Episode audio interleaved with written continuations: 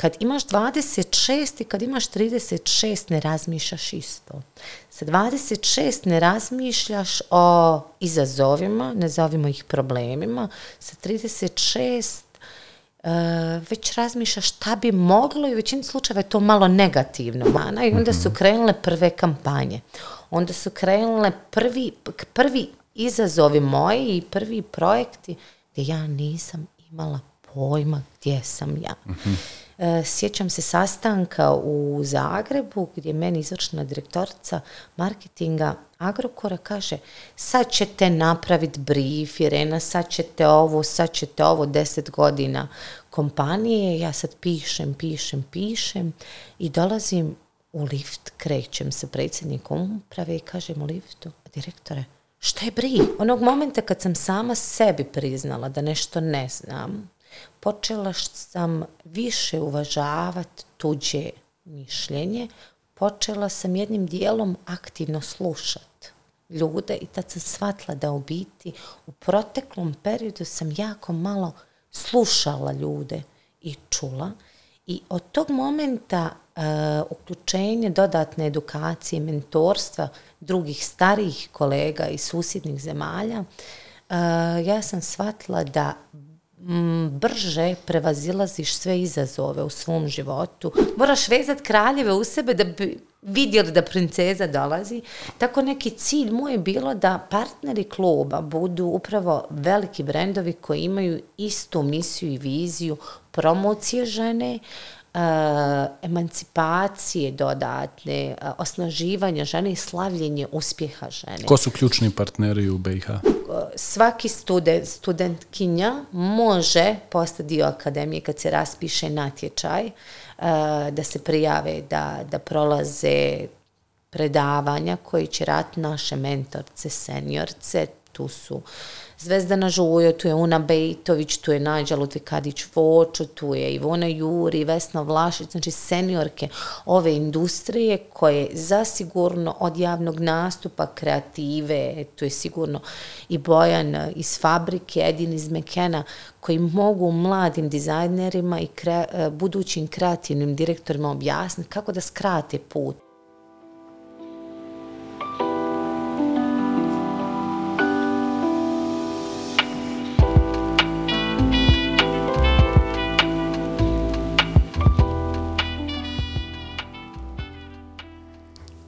Dobrodošli u još jednu epizodu Spotlight podcasta.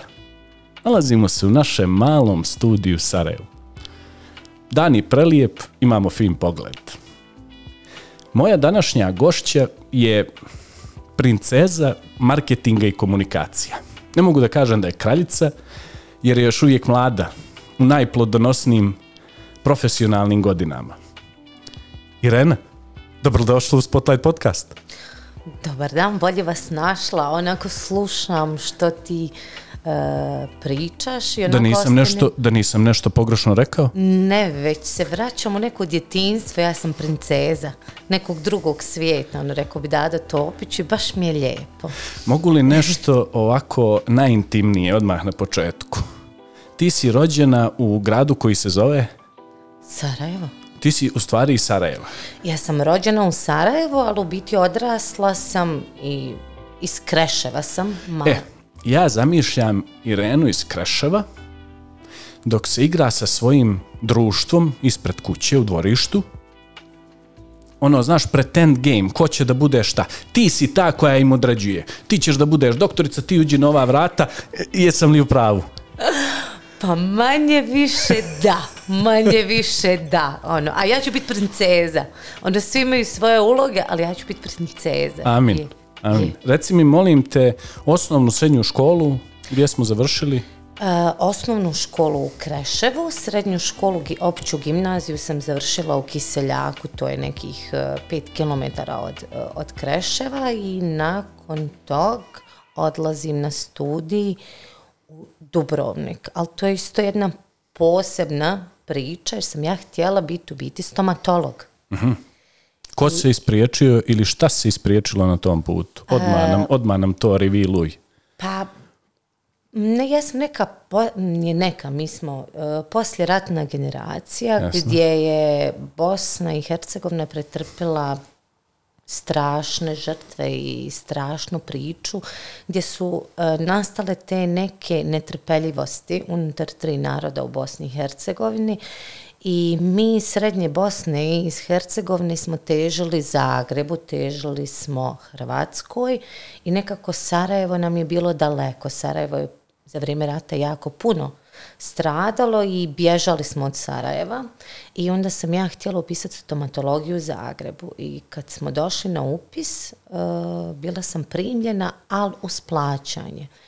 I neka moja, tako sam valjda odgojena, e, uvijek razmišljaš mogu li roditelji to, da mogu. To je prvo i osnovno o čemu razmišljati. Ali možda će doći jedan dan kad neće moći. E, sve naše želje i potrebe oni ispoštovati i upadam uz plaćanje na, na studij i razmišljam u svojoj glavi, a šta ne svidi se meni na drugoj, trećoj godini stomatologije? Šta? Pa nije baš stomatologija sve najljepše. Stomatologiji ne dolaze ti samo ljudi koji imaju divne zube, već dolaze ljudi koji su s problemom. A ujedno dado smo tolike pare za školarinu. Tako je. I mi se vraćamo, ne ja neću u Sarajevo, nema šanse, ja želim u Zagreb ili neću nikako. I dolazimo i u spavaću sobi nalazim prospekt vanjske trgovine i turizma u Dubrovniku. I silazim i kažem, mami i tati, ipak znam šta ću studirati. Šta? Ekonomiju u Dubrovniku. Ti ekonomija, jer meni ekonomija i pravo su bili za ljude koji vole da uče, pametni su, ali nemaju nekog talenta. Elektrotehnika, medicina je bila za, ajmo reći, malo bolje učenike. Mm, jasno. Uh, likovna umjetnost, dizajn, to je bilo za neko koji ima talent za isto, a ekonomija i pravo mi je bilo ono nešto pa da završim fakultet ono, i moću lako naći posao. I odlučim se onako, Dub, Dubrovnik mi zvuči fancy, onako, naginje mi ka nekoj egzotici.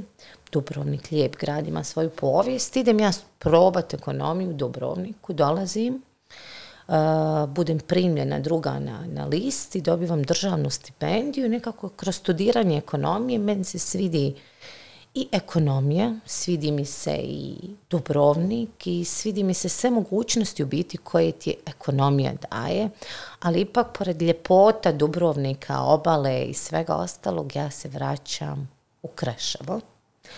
I Krešavo kao mali grad ima svoje mogućnosti, svoje prednosti i mane, ali moja želja je bila da se zaposlim u većem gradu da vidim kako je živjet u većem gradu, jer ni Dubrovnik nije neki veliki grad. Tako je.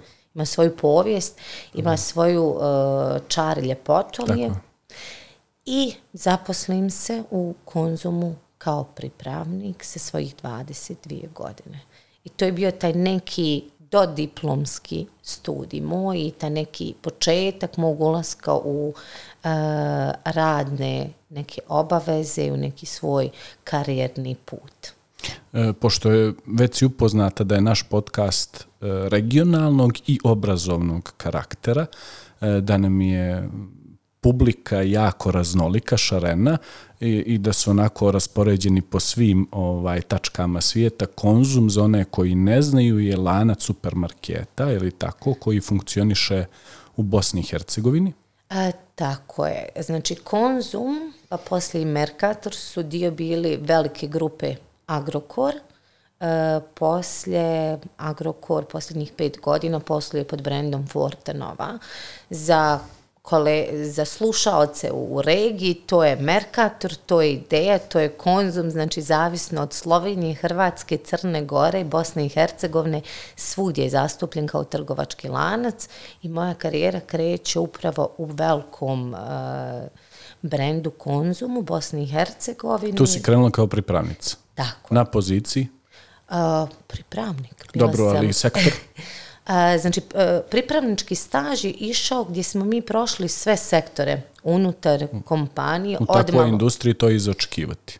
Što je po meni jedan savršen princip hmm. i e, vidim u zadnje vrijeme da neke kompanije više ne koriste isti princip. Mislim da je jako bitno za mlade ljude koji završe fakultet da prođu osnovu svakog biznisa. Ako je. to ne znam, proizvodnja, ako je to brand Violeta ili ne znam, bitno je da prođeš i proizvodnju. Ako je to brand Konzum ideja, bitno je da prođeš malo prodaju. Da ti znaš otkud novac dolazi, jer ključni moment kad službe unutar sebe djeluju, djeluju kao silosi, jedna i druga ne znaju što ova druga radi, tad imamo problem u vanjskoj komunikaciji, tad struktura firme može otići totalno u negativnom smjeru. Sad vraćam se opet na komunikacijsku industriju, nedavno sam bila kod jednog partnera koji je medij i tu vidim da uredništvo marketing i prodaja a, apsolutno se ne razumiju. Nema sinergije. Tako je. Uredništvo ne svaća da u biti sve ono što marketing i prodaja prodaju, da njima donosi novac i da moraju raditi sinergiju, jer uredništvo bez marketinga i prodaje nema, ne funkcionira, ne dolaze novci, a marketing i prodaja ne mogu ništa prodati ako uredništvo piše o snijegu, a van je sunce se sada onako iskarikiram. Tako da je savršen princip e, pripravničkog e, staža koji je trajao nekih 4-5 mjeseci u konzumu nama e, donio saznanje gdje mi radimo, koji su to službe koji posluju unutar brenda, od prodaje, nabave, maloprodaje, jer maloprodaje prodaje žila kucavca. Tako je. Od tud dolazi novac i upravi svim ostalim službama. Tako da nakon tog prelazimo neku, idemo onu osnovnu hjerarhiju, dolazimo kao asistenti u ja dolazim u sektor nabave, u službu neprehrane koja je tad, znači prije 16 godina gotovo, očekivalo se da će imati najjači rast na tržištu, što zaista vrijeme je pokazalo da je neprehrana dva gdje su televiziji, televizije, e, mali kućanski aparati, tehnika, jedna kategorija koja raste i uvijek će rast. Jer Znači, očekivali ste rast i pored činjenice da na tržištu u tom momentu imamo rast upravo specificiranih maloprodajnih prodavnica koji nude bijelu tehniku, koje nude televizore. Znači, vi ste očekivali rast i u tom vašem segmentu koji je samo jedan segment konzuma. Tako je.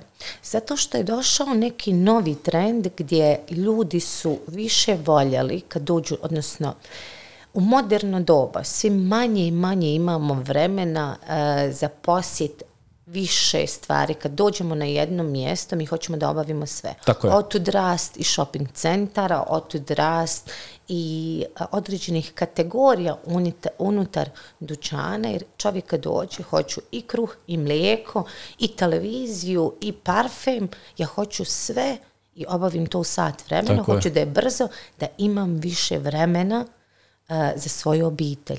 Jer u ciklusu modernog mi u biti smo ostavili najmanje vremena za sebe, najmanje vremena za svoju obitelj, za svoju naobrazbu, jer negdje trčimo stalno. I onda pokušavamo stvari koje su nam donekle nebitne, da kompaktiziramo i da svedemo, ajmo brzo, tu mi je frizer, tu mi je sve, obavim u sat vremena, ja sam u autu, idem dalje. Tako je. Mogu da ti ja sad kažem iz svog nekog primjera, e, na starom aerodromu u Podgorici gdje živim, otišao sam da kupim u prodavnicu sličnu konzumu, lancu, sličnom konzumu i umeđu vremenu se, se, sjetio da želim majku da iznenadim novom veš mašinom. Preko bulevara imam e, specificiranu prodavnicu gdje mogu da nađem to, ali ja sam vidio kandi mašinu ovdje, oni su mi rekli da mi dostavljaju kući, oni su rekli sve i da pređem preko puta, cijena može da bude možda 2 ili 3% i nemaju taj brand. I odmah sam se riješio za tu kupovinu to vam je, e, znači, taj moderni retail u kojem svi težimo, na jednom mjestu sve. Sad retail dolazi još do e, evolucije svoje gdje imate unutra i restoran, pa vi uzmete sa gastra hranu i jedete tu. Unutra imate taj doživljaj. U biti kupovina cilja se da kupovina ne bude samo cijena artikal, već da cijena bude neki doživljaj naš kad prolazimo kroz taj Neka refleksija na kupca. Tako je, mhm. tako je.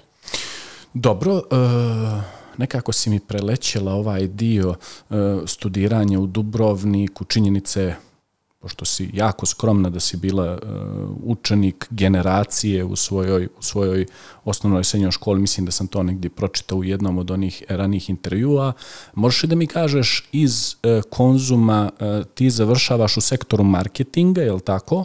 ili, ili si čekala da se da dođe do ovog momenta sa, sa Merkatorom, pa si onda u Merkatoru prešla kao, kao, kao head of marketing, jesam ja dobro razumio taj dio? A, e, ispravi me. Ispravka. Ja se u nabavi zadržavam nekih četiri godine. Mhm. Postane voditelj kategorije, rukovoditelj, poslije pomoćnik direktora nabave za, za proces kategorije menadžmenta i e, spajanje Merkatora i Konzuma e, dolazi do neke potrebe, odnosno dešavaju se različiti izazovi na tržištu i otvori se prilika prelaskom direktora tadašnjeg marketinga na drugo tržište, mhm. otvara se prostor za direktorsku poziciju, a po mojih rezultata u neprehrani i određenih procesa koji sam već prošla, dobivam priliku da budem direktorica marketinga i PR-a u konzumu. Znači, bio sam u pravu.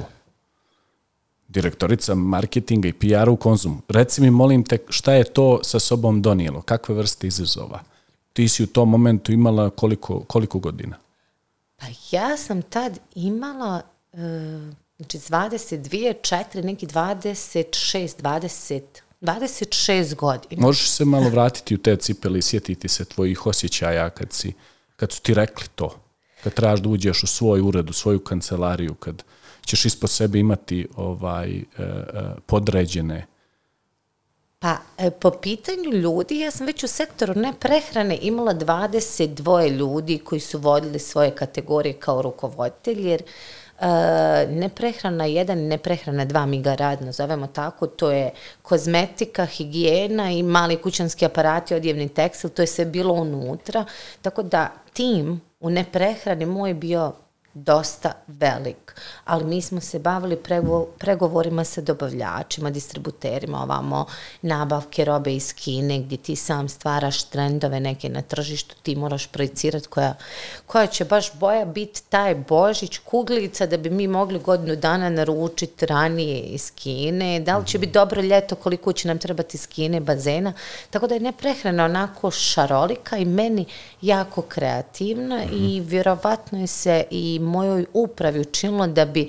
ta kreativnost koju smo pokazali kroz neprehranu mogla e, dati neku dozu nove kreativnosti, nove, e, možda je gruba riječ, krvi u marketingu, tako da ti marketinga i neprehrane nije bio značajno veći i mhm. meni je marketing iz percepcije direktne suradnje marketinga i nabave bilo marketing su katalozi. Mi nešto pošaljemo, prijavimo artikle, oni to nešto slažu, kreativnosti, pa nema puno, ali gle, interesantno je. I kad imaš 26 i kad imaš 36 ne razmišljaš isto. Sa 26 ne razmišljaš o izazovima, ne zovimo ih problemima. Sa 36 E, već razmišlja šta bi moglo i u većini slučajeva je to malo negativno. Moglo bi nešto negativno biti. Čekaj, razmišljamo najčešće, anticipiramo, predviđamo probleme, okolnosti, situacije koje se najčešće možda i neće desiti. Tako je. Otpri, mislim, ne otprilike, već točno tako. Sa 16 staniš na skije i ono ništa te nije briga. 26 prvi put staneš, ali se ne bojiš. A sa 36 prvi put da staneš na skije razmišljaš, u, ako padne vidjeno kamena, Znači ti ga već vidiš ono kilometrima ispred sebe, tako da sa 26 sjest na mjesto direktorce marketinga i PR-a u tad vodećoj retail kompaniji bio je za mene velika čast. I onako na tvom egu sa 26 godina ti postaješ direktorica jer svi mi kad smo došli kao pripravnici, nam je želja bila da sjednemo u stolice naših mentora, da jednog dana i mi budemo to što su oni. E, bilo je zanimljivo, interesantno, entuzijazam je držao sigurno nekih desetak dana i onda su mhm. krenule prve kampanje. Onda su krenule prvi, prvi izazovi moji i prvi projekti gdje ja nisam imala pojma gdje sam ja. Mhm. E, sjećam se sastanka u Zagrebu gdje je meni izvršna direktorica marketinga Agrokora kaže sad ćete napraviti brief Irena, sad ćete ovo, sad ćete ovo deset godina kompanije, ja sad pišem, pišem, pišem i dolazim u lift, krećem sa predsjednikom uprave i kažem u liftu, direktore, što je brief? Naučit ćeš tako I tako kreće priča nakon deset dana mog učenja o marketingu, gdje razlika u ne, nabavi ja sam znala, bar sam misla da znam puno toga. Ovdje ja ne znam i sebi priznajem da ne znam i kad dolazim u svoj tim sutra dan, s njima pričam. Trebamo brief, ja i slušam što pričaju. Ja ću raditi brief, a vi ćete pogledat kolekcije mhm. Eh, imam iskustvo u rukovođenju, imam iskustvo u skillsima menadžera, ali o marketingu kao marketingu ja znam osnove neke, ali ne toliko da mogu reći ja sam sigurna, ja sve znam. Mhm. I u tom procesu u pola godine sa svojim ljudima jako puno učim i nakon šest mjeseci kroz operativni rad ja dolazim da mogu reći ja sad znam, ali ipak ne znam. I kažem svoj, svoj HR, HR direktorci, kolekci, ja sad trebam vanjsku edukaciju. Ja sad znam koliko znam moj tim sekundicu više, jer mhm. imam neka druga znanja koje me čine direktorom, ali o marketingu ja želim da učim dalje. I tu dolaze određene eksterne edukacije, od mhm. javnog nastupa do upravljanja emocijom pred kamerom na sastancima. Znači, e, čovjek kad osjeti ovdje da je nesiguran to što radi, može biti ne znam, hajde da naučim ili jednostavno nisam za to posla. Ali iz moje neke karijere i života ja mislim da je nije svako za svašta, ali da ne postoji stvar ako želimo da naučimo, da i ne možemo naučiti. Recimo, molim te, e, upravo ta spoznaja e, limitiranog znanja, da ne kažem neznanja iz sektora marketinga i tvoja želja da, da se dalje edukuješ u tom smjeru i činjenica da si to sebi priznala i svojim najbližim pretpostavljenim Misliš li da te to spasilo, uslovno rečeno, u karijeri? Misliš li da te taj stav um, pripremio za dalji rast? Pripremio za dalji razvoj? Koliko je bitno da imamo taj mindset? Da, da jednostavno čim, čim prihvatimo da ne znamo, da zamašamo mobilnom zastavicom, da zatražimo pomoć i odemo i doedukujemo se. Pa mm, u svemu uvijek moramo biti svjesni da je ključ uspjeha ili neuspjeha u nama. Da smo mi ključ uspjeha, kaže strah me. Gdje osjećaš strah? U sebi. Jesi probao? Ne. Tako isto e, najteže je priznat sam sebi da nešto ne znaš. Ne da ne mogu već ne znam. Jer u našoj prirodi ego taj proradi negdje gdje ću ja reći da ne znam. Onog momenta kad sam sama sebi priznala da nešto ne znam, počela sam više uvažavati tuđe mišljenje, počela sam jednim dijelom aktivno slušati ljude i tad sam shvatila da u biti u proteklom periodu sam jako malo slušala ljude i čula i od tog momenta Eh, uključenje dodatne edukacije, mentorstva drugih starijih kolega iz susjednih zemalja, eh, ja sam shvatila da mm, brže prevazilaziš sve izazove u svom životu ako tražiš pomoć, pomoć u smislu naobrazbe, ne da mi završi to, nauči me kako da uradim to. Znači ne znam, ali hoću da naučim. Eh, I mislim da svim ljudima Eh, mladim ljudima ne treba biti problem da nešto ne znaju. I, eh, trebaju pitati, trebaju naučiti. Ono kažemo, ko pita, ne skita. Skratite sebi proces. Ne možemo znati sve. Ne možemo biti najbolji u svemu. I dobro je potražiti, osjetim na sebi da imam upravljačke moći, upravljačke vještine loše. Postoji ljudi koji se bave tim i trebaju me naučiti. Javni nastup. Vidim, evo nedavno smo radili podcast kroz Women.com i ja sam uvidjela da moram se nadograđivati u javnom nastupu. Hvala lijepo, tako je. Tako je. Sebe. Tako znači, je. ja ne znam predstaviti sebe. Ja super sad pričam s tobom o brendu. A kad pođem pričati o sebi, osobno, lično, ja pođem a, zastajkivat, nisam sigurna što kako trebam reći. Kako se radujem toj fazi tvog učenja i kako se radujem svim uspjesima koje već vidim ispred sebe.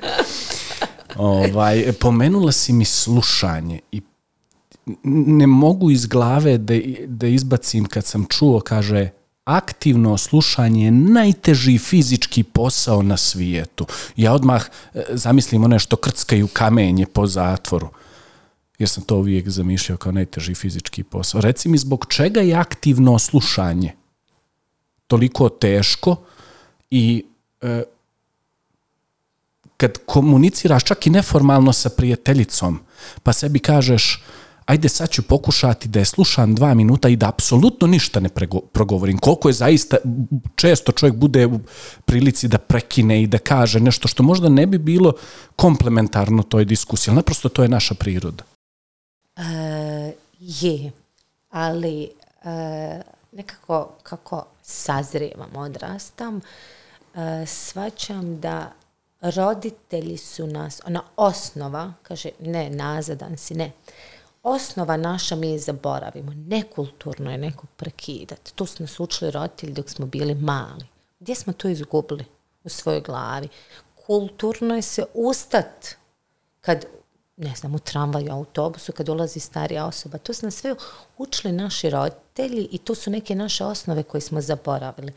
Aktivno slušanje, zašto je najteži e, Fizički posao. Fizički posao, zato što nemamo vremena. Mi smatramo, sad ja pričam, ti šuti, nemamo vremena za ništa i u razgovorima smo tu, ali nismo tu, razmišljamo ono famozni multitasking, ja sam tu s tobom i sad razmišljam, jesam li gasla peć, jesam li ovo, jel mi dijete dobro uvrti, znači nismo tu, već smo negdje drugo. Zbog čega smo negdje drugo, Irene?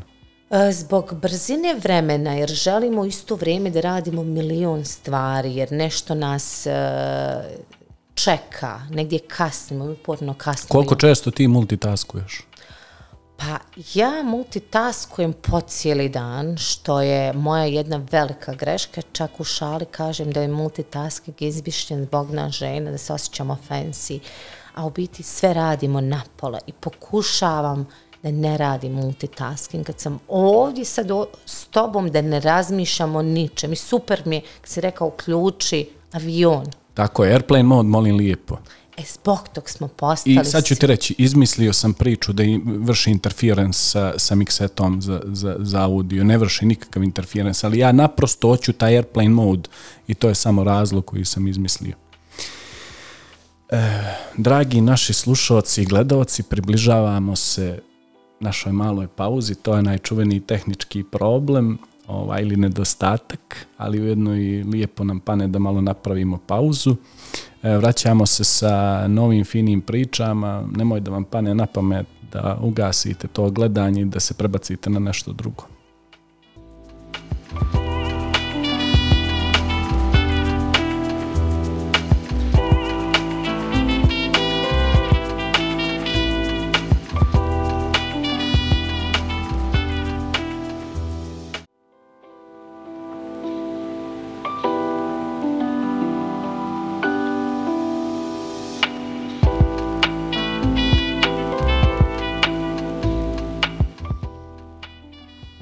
nas nakon kratke pauze, jako dinamičan razgovor.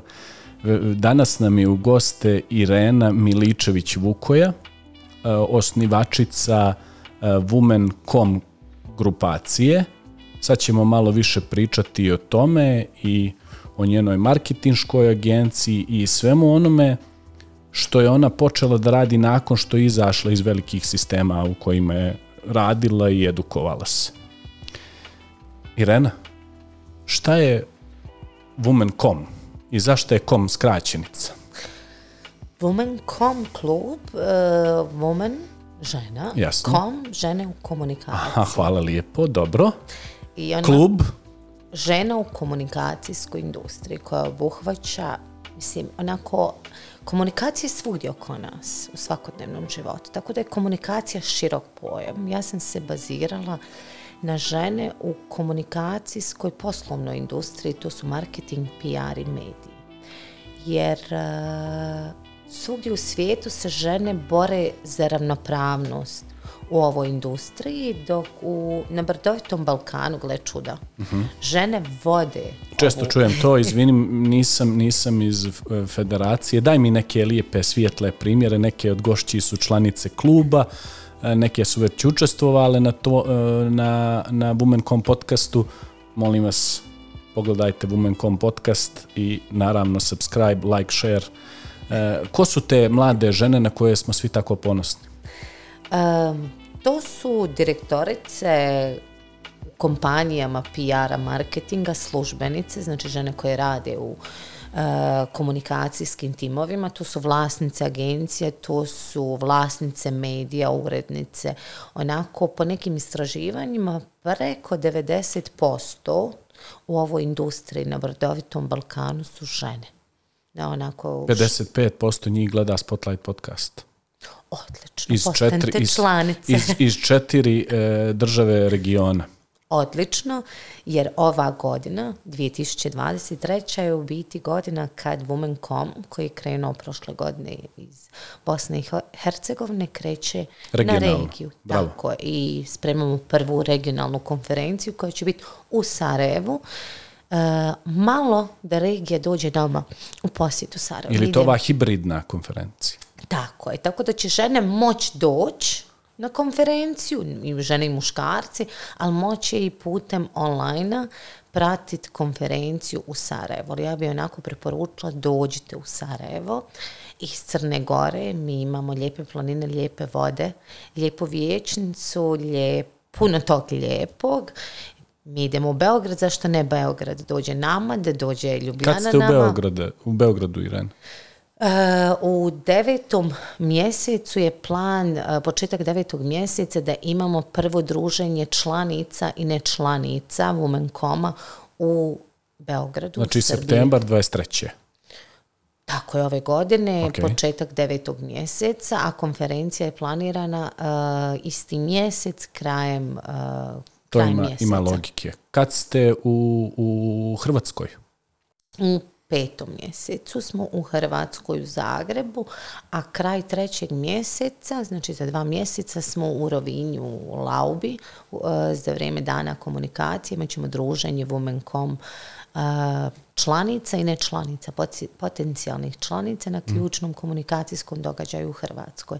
Jer neki moj cilj, cilj generalnog kluba je da budemo prisutni na svim aktivnostima koje imaju značaj za tu zemlju, za taj grad, pa tako i u osmom mjesecu ćemo po našim planovima biti prisutni i za vrijeme SFF-a na Women partiju, gdje će sve članice i nečlanice moći biti doći u Bosnu i Hercegovinu, ovako otvoren poziv da se družimo na jednom od najključnijih događaja u Bosni i Hercegovini, odnosno u Sarajevu, to je Sarajevo Film Festival. Uh, osjećam da nema Podgorice na agendi, molim te da mi ju vrstiš, pa kad god, uh, što vele crnogorci, nijesmo ni mi gubavi ili Imamo, e, ćeš se. tek ćeš da vidiš kakve E, su profesionalke dolaze iz Crne Gore i, i tamo je naravno u sektoru pr i komunikacija e, mahom su, su žene. E, jučer sasvim slučajno, ali nema slučajnosti, bar neko ne kod mene u životu, sam bila sa jednom gospođom koja mi je koja je predstavnica vezana za port, Porto Montenegro, mhm. nešto vezano za komunikacijsku industriju i došle smo do ideje, odnosno, pa ja bih rekla, gotovo, mi ćemo to izrealizirati, da nekad prije početka sezone da napravimo neko druženje u Budvili, u Podgorici, upravo da uključimo i žene iz komunikacijske industrije u Crnoj Gori, jer neki moj plan je idemo Zagreb, Beograd, Crna Gora, Sloveniju ćemo naknadno, ono, Sloveniju ćemo nekad možda kači 2024. pa možda i 25. jer e, mislim da e, cilj misija Women Coma Eh, gdje želimo da potaknemo žene na međusobni konektiviti, da osnažimo žene, da kažem mi smo ponosni na to što radimo, da promijenimo neka pravila u ovoj industriji i onako da bude lakše nama i muškarcima raditi ovdje, tako da mislim da će biti jako puno uh, zainteresirani za druženje u svakoj zemlji gdje dođemo, onako, jer mi to napravimo da bude interesantno, korisno, da maknemo žene iz onih korporativnih cipela i cipela svakodnevnice, da se malo upoznamo, družimo, onako da budemo neko novo ja, neko novo mi.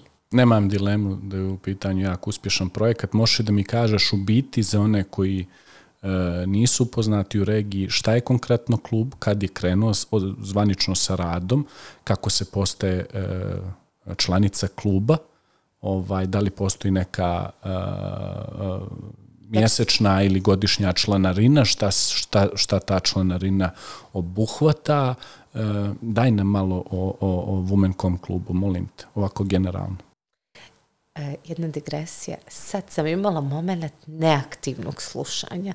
Slušala sam te, ali sam u sebi spremala onaj odgovor e. na tvoj toli toliko se osjetilo, gledaoci, slušaoci će osjetiti namenjenu netrpeljivost. Jedva čekam da ti ispričam se. Izvoli, Znaš, ajde, stani. E, ovaj, e, e, to je razlika između aktivnog i neaktivnog slušanja. Ja sam čula prvo, reci nam šta je, kako je, onda sam shvatila na sebi da neaktivno te slušam. Slušam te, ali te ne čujem. Uh, klub je uh, krenuo sa svojim radom mojim odlaskom iz korporacije nekad e, početak prv, petog mjeseca prošle godine smo lansirali web stranicu i dobili svoje prve članice, krenuli u promociju e, kluba, ja pričam u množini, ja sam bila sama tu uz e, svoje prijatelje i partnere podrške koji su mi pomogli oko web dizajna, oko dizajna, onda je se s vremenom uključila i kreativna agencija McKen oko kreativnog dizajna jer su uzeli Women.com kao društveno odgovorni projekat. I to se vidi, vizualno se to vidite, kako osjeća, moram e, da ti kažem. E, apsolutno, jer sve što smo počeli da radimo, radimo onako sa svrhom i na visokoj kvaliteti. Od samih partnera moj cilj je da bi potakli priču morate biti veliki.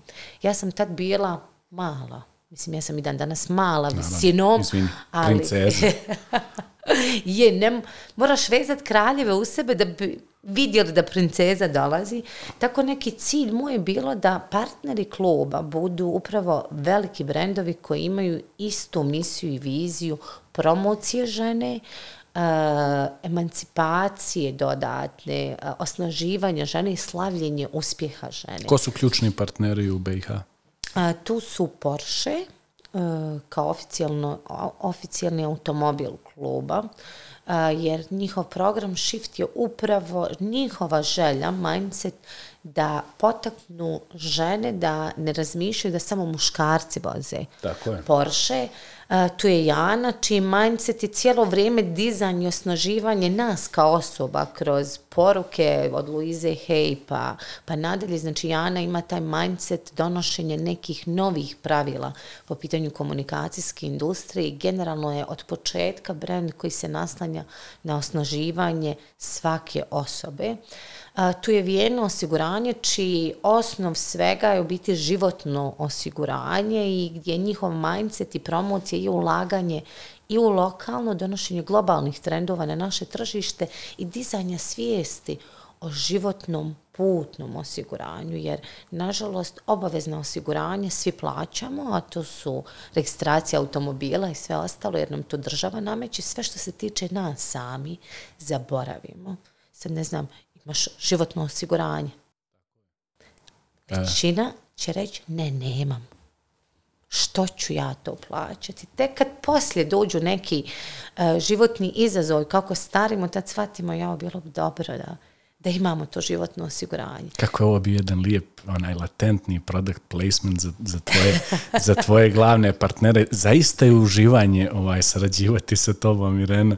Ovaj, e, hvala ti na tome. E, vraćamo se na klub. Rekla si nam šta je agenda, rekla si nam u biti E, šta je, šta je, šta je klub kao klub, e, duguješ mi oko članarine i duguješ mi da mi malo opišeš osjećaj te prve konferencije koja se desila skoro. E, znači svaka žena u komunikacijskoj industriji, žene koje misle da bi mogla biti onako, sviđa im se komunikacijska industrija, mogu postati članice preko našeg, eh, naše web strance www.women.com.club eh, popune pristupnicu i onda ide ta duga i lijepa priča sa nama, jer onako sve je personalizirano, određeni momenti su automatizirani, ali uz modernu tehnologiju sve automatizirano, a personalizirano, tako da svaka žena koja ima želju E, se baviti, koja je već tu, želi da se druži, da stekne konektiviti, da nauči neke nove stvari, ali isto i da osnaži samu sebe kroz mentorsku mrežu, kroz Womencom akademiju, je dobro došla. Bila ona iz Crne Gore, iz Ljubljane, iz Slovenije, Srbije, Bosne i Hercegovine. Od ove godine svaka, e, svaka žena komunikacijske industrije je dobro došla u naš klub.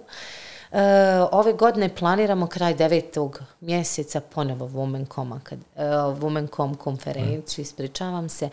E, konferencija je bila u sve aktivnosti od sporta, golfa, webinara, radionica. Imali smo prošle godine Sašu Savića jer jedna misija kluba je da kažemo kroz klub da mi u Bosni i Hercegovini imamo odličnih ljudi žena i muškaraca koji su eh, ekstremno uspješni. Tako je, napravili karijeru vani, ali i u Bosni i Hercegovini naših jakih brendova tipa Alma Rasa koji je isto partner projekta koji ide u korak sa velikim globalnim brendovima uh, odjevne industrije, a tu su uz nas i skupa stvaramo promjene na ovom tržištu, da pričamo te uspješne priče Bosanaca i Hercegovaca. Tako da eh, ove prošle godine smo se dotakli kroz konferenciju koja je imala svoj program tri dana, prvu noć, jer da se premaknemo i onom što smo negdje zaboravili cilje Coma, a to je kultura i umjetnost. Bili smo noć pred konferenciju od govornika do onih koji su kupili kotizaciju naših gosti. Bili smo u Narodnom pozorištu na premijeri Toske, jer nekako ta kultura i umjetnost negdje smo i ostavili sa strane zabora, pričamo o modernim tehnologijama, pričamo o modernim trendovima, a kad smo zadnji put bili u pozorištu, kad smo zadnji put bili na nekoj operi i bili smo u e, Narodnom pozorištu u Sarajevu, sutra dan smo krenuli rano ujutro, imali smo teme, ono što koji su moderni trendovi ove industrije, šta se dešava vani, e, šta će nas čekati u budućnosti, ali smo se doticali kroz govornike i osobnog razvoja, nekih novih trendova, ono što bi trebalo doći. Isto tako dotakli smo se i kulture i umjetnosti, jer bitno je da oglašivači, odnosno kompanije, ne zaborave u svom portfelju na društveno odgovorne projekte, jer ulaganje u kulturu i umjetnost je društvena odgovornost nas zbog naših, e, naše djece, zbog novih naraštaja, bitno je ulagati. Jer šta ćemo ostaviti sutra svojoj djeci? Tako je. Ako uništimo sve i ako budemo isključivo ulagali samo u profitabilne stvari i samo u moderne trendove. Tako da ove godine nas očekuje masa iznenađenja od pričanja o uspješnim kampanjama koji su potakle i državu i društvo da razmišljaju na drugačiju ulogu žene od e, priče o komunikacijskim trendovima i partnerstvu e, unutar određenih velikih kreativnih e, agencija u regiji, kako su postigli.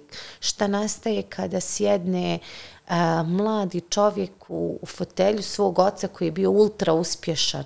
Šta mijenja? kako se nastavlja porodični biznis u smjeru komunikacija i agencije kada mladi, mlada krv preuzme dalje palcu upravljanja agencijom. Pričat ćemo, pokušat ćemo ponovno dovesti, jer nakon e, Nine Lalić, Jennifer Eisen od prošle godine i sad imamo izazov koga dovesti. Nakon Petra Graša od prošle godine koji je nastupao na gala večeri, koga sad dovesti? Jel to Sergej možda? Zašto jedan onako e, prekrasan gospodin koji bi zasigurno bio super zvijezda, ili ćemo ići ka ženskom rodu, ili to možda Severina ili Toni Cetinski. Znači sad imamo veliki izazov, podigli smo ljestvicu u prošloj godini sad na konferenciji ćemo ove godine onako pokušati donijeti masu iznenađenja upravo jer misija i vizija kluba je ajmo donositi nove trendove u nas. Oni su tu u regiji, oni su tu u svijetu, ajmo ih malo dovesti u Bosnu i Hercegovini.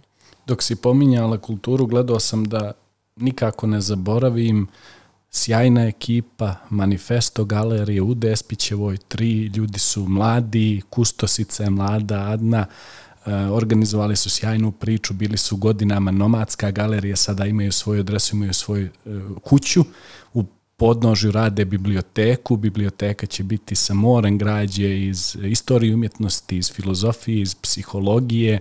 E, želim da ih negdje uvrstiš i na svoju mapu. Sjajni su ovaj e, kroz dio obilazaka kulturnih događaja u Sarajevu. Elem, e, mislim da smo malo ostali dužni za za akademiju. Možeš samo malo da mi razjasniš šta je akademija, kako administrirate sve te vaše e, e, da kažem buduće ili sadašnje kurseve, kakve kurseve e, članice mogu da očekuju, u kom dijelu će se doedukovati i malo mi o tome daj samo. Naša ciljana skupina jesu žene koje žele se baviti komunikacijskom industrijom i žene koje se već bave. Znači imamo te, ja i zovem seniore i juniore. A treća ciljana skupina jesu oni koji će se baviti, to su studenti svugdje se susrećemo sa problemom odlaskom mladih iz naših zemalja, posebice na Balkanu Svi mislimo da je malo toplije sunce u Njemačkoj ili u Americi i neki moj cilj je sa suradnjom sa fakultetima da u klub uključimo i male mlade studentkinje, studente sa dizajna, sa likovne umjetnosti, sa ekonomije, sa komunikacijskih e, znanosti, da ih uključimo u naš klub kroz suradnju. Imamo te juniore koji su pola godine, godinu dana u komunikacijskoj industriji, koji su članice. E, seniorke koji već su prošli, imaju 30 godina iskustva u karijeri, njihova uloga kroz Womencom Akademiju, koju sad samo pokušavam do četvrtog mjeseca kad ćemo je lansirati, smisliti neko kreativni naziv, e, nešto slično kao Hura How to Wow, nešto, jer ne bude akademija. Akademija je onako, mene veže za likovnu umjetnost, nekako akademija mi je Uh, pre... Jedan od naših budućih gostiju kaže school and school. school and school.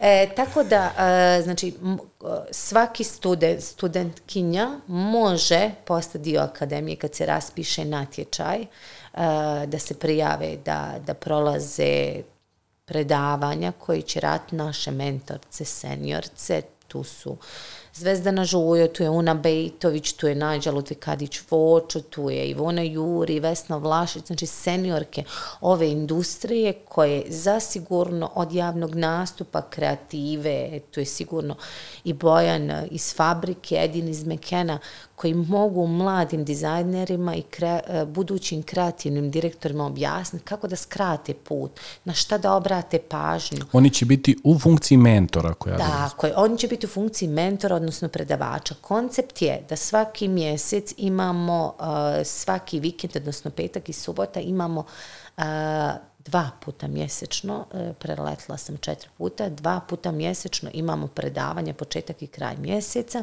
gdje ćemo imati određene teme. Tema taj mjesec će biti javni nastup i PR, onda imamo dva dana petak i subotu. Una Bejtović nam priča o javnom nastupu, kako se pripremiti, moderirati sve ostalo.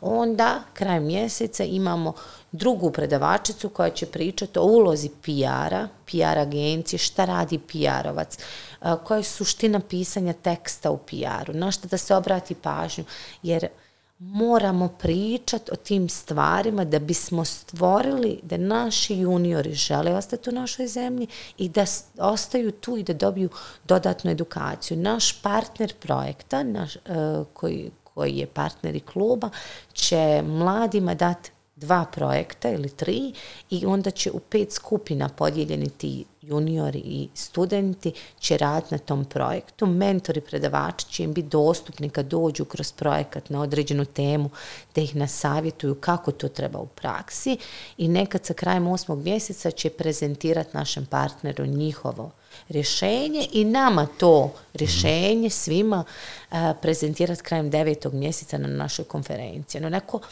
sam skupila eh, iskustvo Dubrovnika, iskustvo Bleda, što je meni bilo super. Jer mi smo u Dubrovniku kroz studiranje mogli, eh, naš neki od radova, eh, poduzetništvo, marketing, komunikacija s kupcima, potrošačima, je bilo da mi radimo projekat, prezentiramo partnerima škole i onda dobivamo mogućnost stipendije, dobivamo mogućnost volontiranja u toj kompaniji za vrijeme našeg raspusta na mhm. fakultetu, mhm. a opet na Bledu kroz MBA. Uh, upravo naš magistarski rad je bio da dobijemo projekat koji je platila kompanija školi i naš šest radimo na tom projektu. Znači šest ljudi u timu su neko iz marketinga, neko iz računovodstva, neko iz CEO profesor su mentori. A profesor su mentori. I znači mi dolazimo pred upravo trima ciklusa, prvi počet, nismo shvatili ideju, nakon tog to smo odradili, smo na pravom putu i na kraju prezentiramo kao finalan rad i kompanija za to ima, e, mogli su platiti konzultante XY, možda miliona, oni su platili našoj školi da odradimo mi za njih projekat. Tako da mi je se e, ta praksa učinila fantastično i upravo želim kroz klub da implementiram tu praksu jer mi je puno bolja nego standardna edukacija pošto je podcast na temu edukacije ne sviđa mi se e, dio našeg obrazovnog sistema kroz koji sam prošla ja. Ja sam teoriju znala vrhunski. A kad sam došla da radim praktično ja ne znam baš tako to dobro. Zato si na svojoj misiji sada da, da jeli, spojiš teoriju, da nam daš praksu i da to bude ta ultimativna kombinacija dvoje. tako je, jer u biti kompanija dobiva, e, odnosno naši partneri projekte dobivaju mogućnost da oni uvide kako je neko dobar tako i je, da, da autuju Tako, tako je. A mislim da i mladima je jako... Da, pokaže, da pokažu sebe, da se istaknu. Apsolutno. I da imaš mogućnost sutra da ti radiš praksu u Porsche-u. Tako je, da dođeš kod direktorice marketinga i kažeš dobar dan, ja sam ta i ta, radila sam to i to, ovo je moj rad, da li mogu da probam? Tako je. E, kaže, kroz Praktični dio.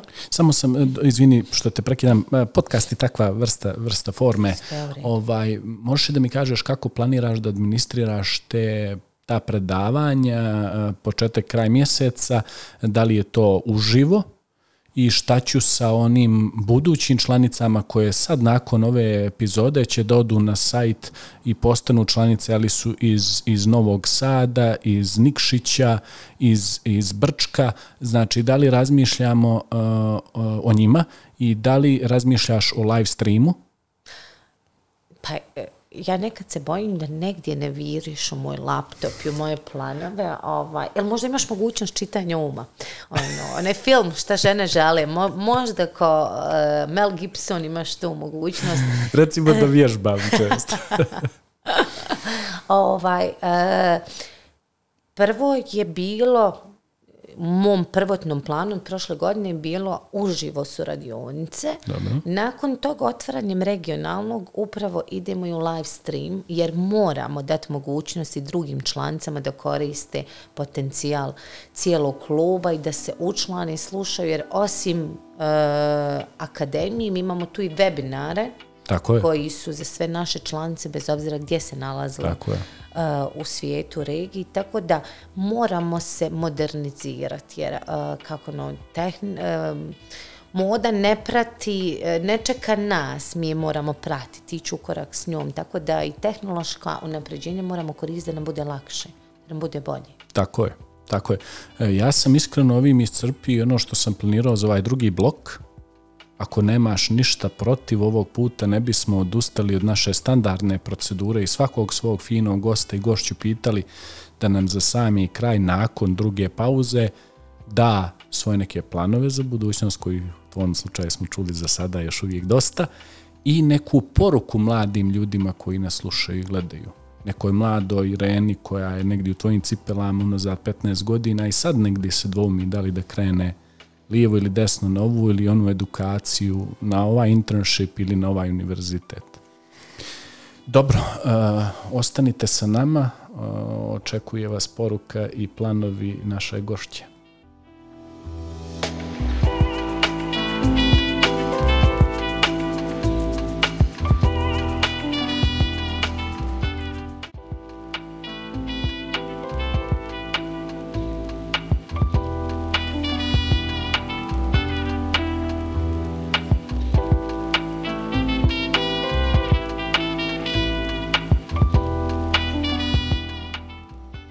par gledalaca me pitalo za, za mašne i za marame. VT mašne, Veljko Tomović, drugi brat, vrhunski proizvod. Pogledajte na Instagram.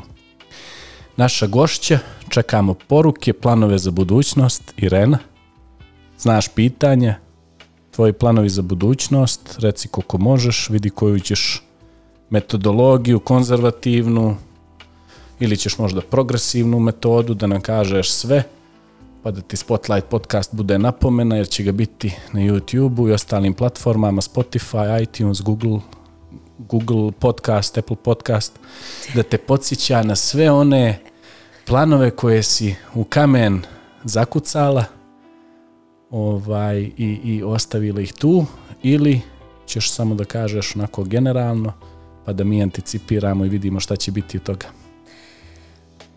Pa, eh, ja sam entuzijastično vezano za planove prvo sa ovom godinom od aktivnosti webinara, podcasta, akademije, konferenciji, druženja, onako sam entuzijastična i mislim da sa ovom godinom ćemo pomaknuti sve ono što je naš naum bio kao, kao klub, E, da ćemo pomaknuti granice po pitanju Bosne i Hercegovine, postajemo regionalni i kroz druženje i kroz e, članarine. Mhm. Posjećujemo, sad mi dolazimo članicama u njihov grad, u njihovu zemlju i 2024. odnosno da se vratim jednu digresiju, ključni moment koji sam zaboravila, sa krajem prošle godine 2022. smo potpisali ugovor gdje je Women.com postao zvanični partner Hure Hrvatske udruge komunikacijske industrije, tako da kroz Huru e, mislim da ćemo dosta nekih stvari mi implementirati u Bosnu i Hercegovini, znači mimo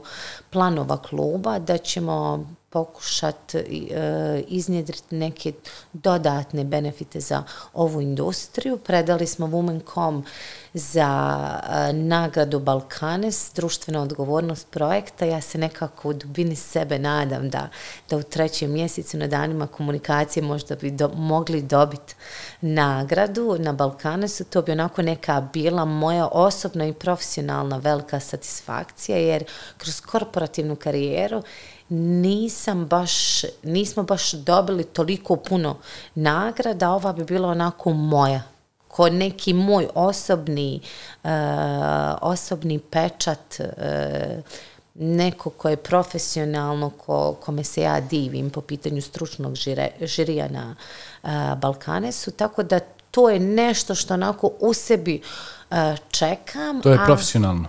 Šta ćemo sa doktoratom? Oj. Daj mi neki datum, stajeće ovo na YouTube. Ako mi daš datum, završit ćeš do tada. Ako mi ne daš datum, prolongirat ćeš i dalje.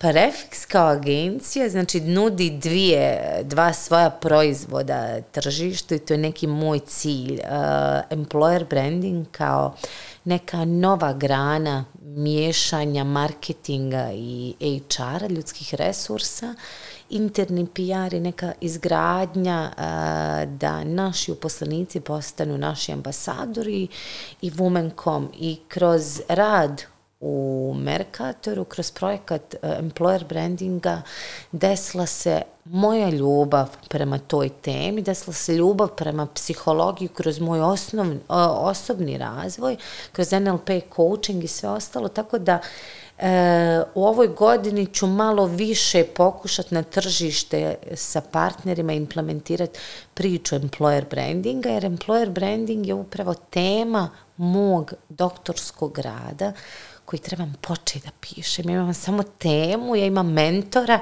i sve stoji već e, tri godine jer ja sam se odlučila na taj iskorak poslije MBA-a i poslije postdiplomskog ovdje na Ekonomskom fakultetu u Sarajevu. Inače imam dva MBA-a.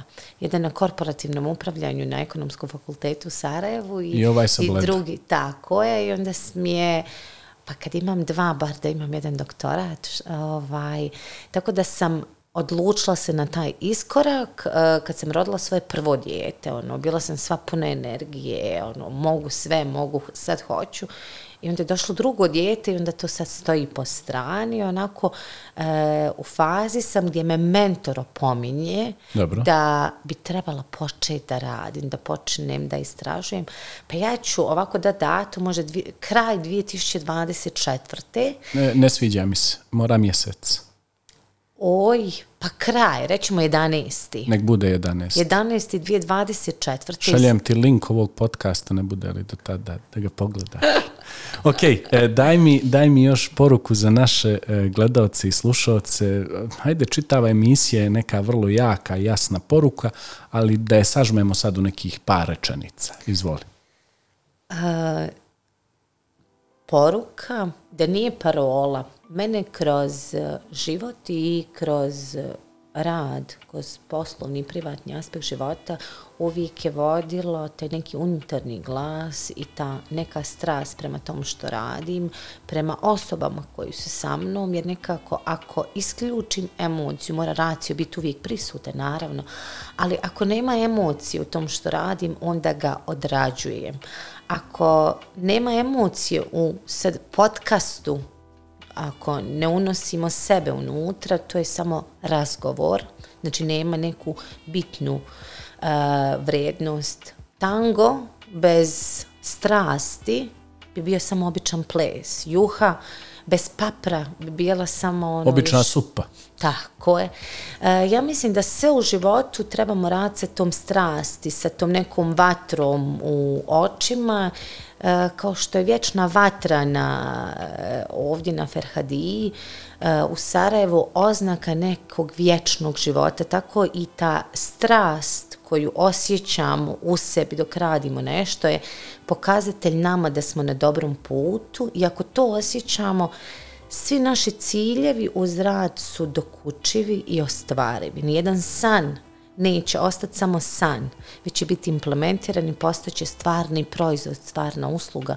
Ako osjećamo strast, imamo tu vatru u očima i trudimo se da je realiziramo. Eto, to je neka moja poruka, sve u životu radite sa vatrom u očima, sa strasti u srcu, uključite racio i radite i uvijek vjerujte da ništa nije slučajno, da je život takav, da ako vjerujemo, radimo i želimo, će se nekako univerzum složiti da baš to i ostvarimo. Iren, puno ti hvala na izdvojenom vremenu za eh, snimanje ove emisije. Znam da je kod tebe uvijek ultra užurbano, Eh, puno ti hvala na ovoj snažnoj poruci i nadam se da radujem se svemu onome što si rekla u ovom podcastu i svemu onome što mlade žene mogu da očekuju i u federaciji i u regionu. Puno ti hvala još jednom.